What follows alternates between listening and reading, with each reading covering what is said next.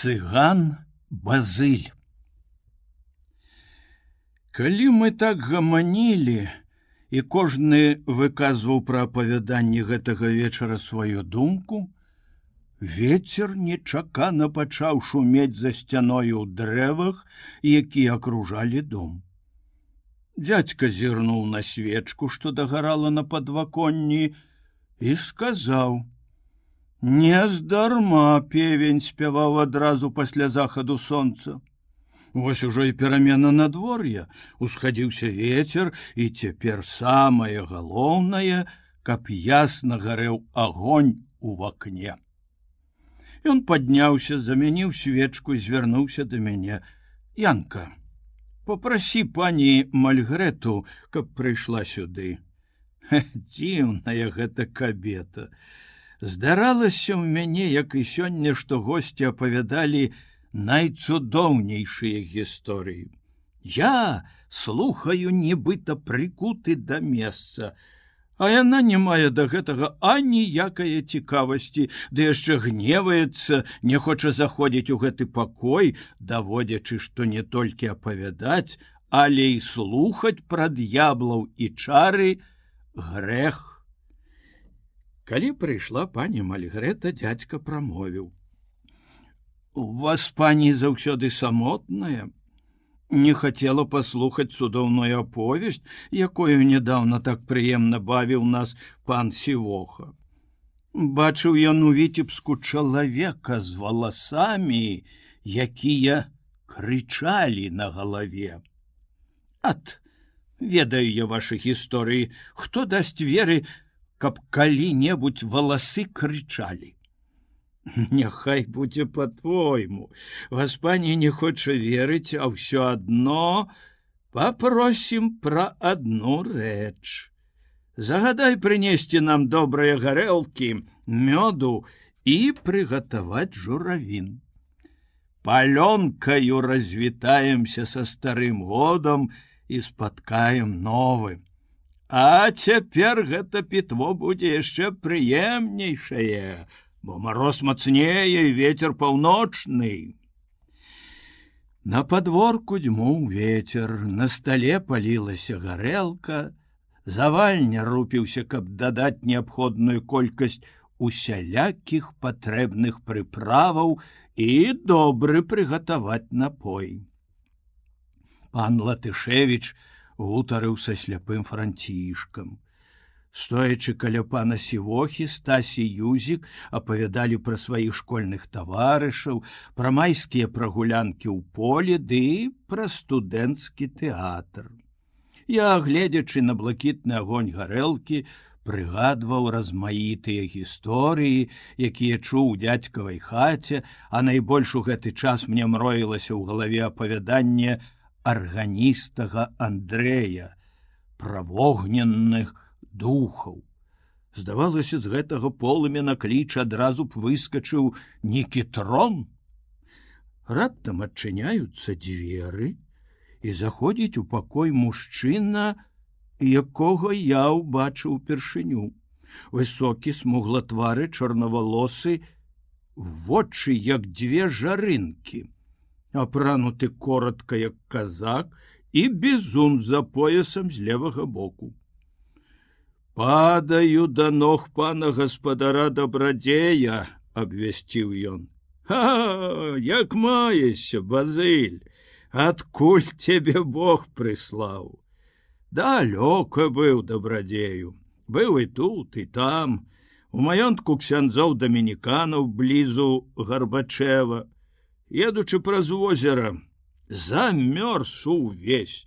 Моцны мароз і ветер прадзімае наскрозь. Убачыўшы агонь у вакне панскага дома спяшаўся сюды як да найбліжэйшага месца дзе можна пагрэцца. А можа таму сказаў сівоха што конь ужо далей бегчы не можа. О не конь мой яшчэ прабег бы мілі чатыры добра добра зрабіў што прыехаў да мяне. Будзем разам сустракаць новы год. А цяпер самы час варажыць сказаў сівоха. Дык скажы ўсім нам каго які лёс спаткае ў наступным годзе? Навошта варажыць? Што каму лёс прызначыў так і будзе. Мне цыгану ездзіць з кута ў кут або жыць у намёце сярод поля а пану кіраваць гаспадаркаю А ці шмат у гэтым годзе збыў старых коней і выгандліваў маладых. У гэтым краі і людзі не горш за цыганова базнаныя ў конях. Не дадуць шукаць скажи мне базыль прамовіў дядька чаму ты не асядзеш на гаспадарцы спакайней жыў бы на свеце так жылі нашы продкі пэўна яны прыкладвалі да скроні жабер траву.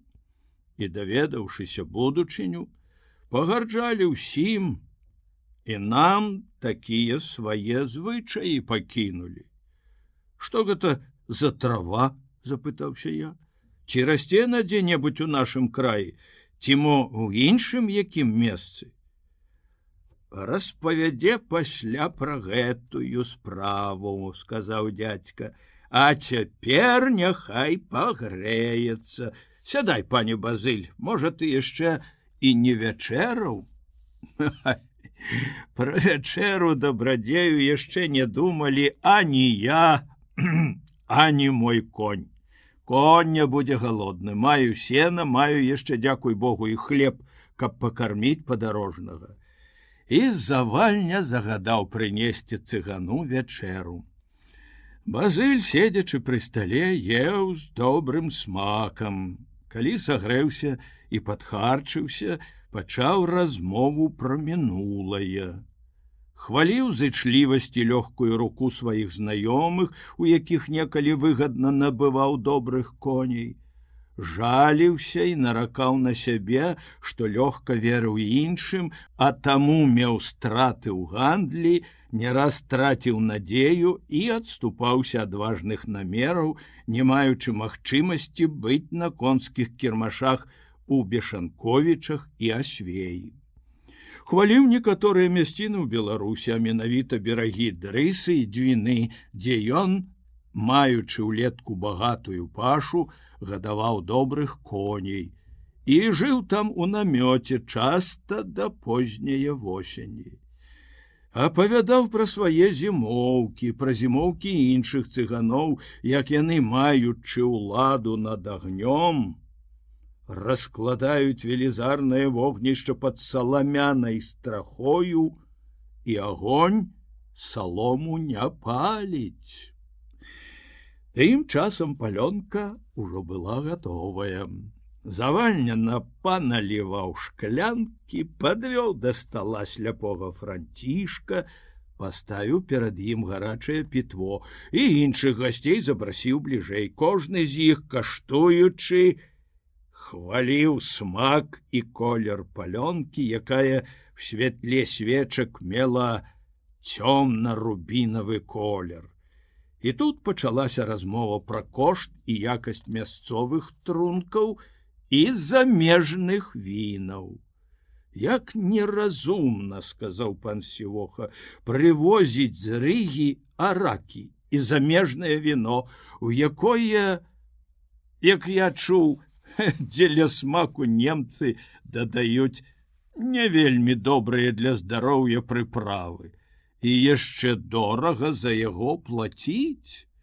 Лепей выкарыстаць грошы на што іншае. У нас ёсць свае выдатныя на смак і нешкодныя для здароўя напоі. Напрыклад гэтая палёнка хвораму чалавеку можна выпіць шкляночку не пашкодзіць а дапаможа ад лихаманкі ад прастуды ў часе зімовага падарожжа адзіныя лекі Праўда дабрадзею, сказаў базыль, трымаючы ў руках на палову выпітую шклянку і пазіраючы ў місу. Беднае наше жыццё цыганскае. Калі марознаю зімою шукаем прытулку пустой будове, дзе няма ні печы, ні столі, а толькі сцены, і ў тых ветер свішча прашчылены, калі пры вогнішчы курчыцца жонка і дзеці пішчаць, круцячыся з боку на бок, абы толькі бліжэй да цяпла. О, каб даць тады жонцы і дзецям па шклянцы такое палёнкі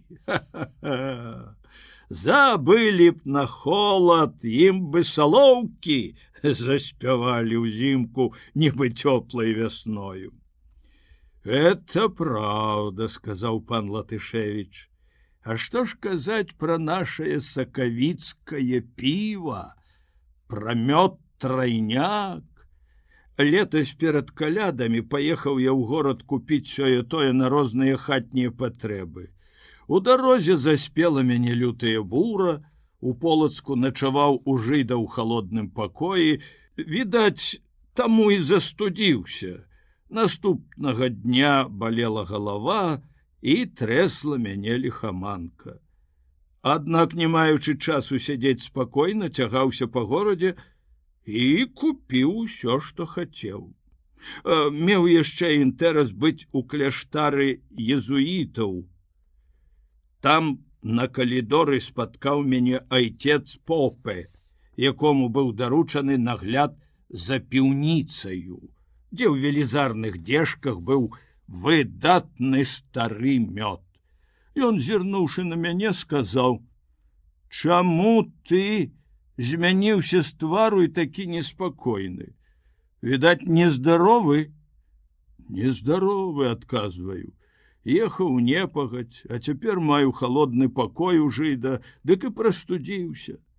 Я вылекую, сказаў ён завёў мяне ў піўніцу наліў велізарны кухаль трайняку калі я выпіў адчуў што па ўсім целе разлілося цяпло выступіў пот і прастуда прайшла прыемныя лекі сказаў завальням але нядаўна базыль успамінаў пра нейкую дзіўную жабер траву якую прыкладаюць да скроні. Тут нешта цікавае. Зрабі ласку распавядзі нам, будем, не марнуючы часу слухаць. Што такое піва і мёд ужо даўно ўсе ведаюць. О, жабер трава шмат паказвае цудаў і дзіўныя ад яе дзівосы перад ёю траціць сілу огонь чалавечае вока іначай глядзіць на свет і бачыць будучыню сказаўшы гэта цыган пачаў сваё апавяданнем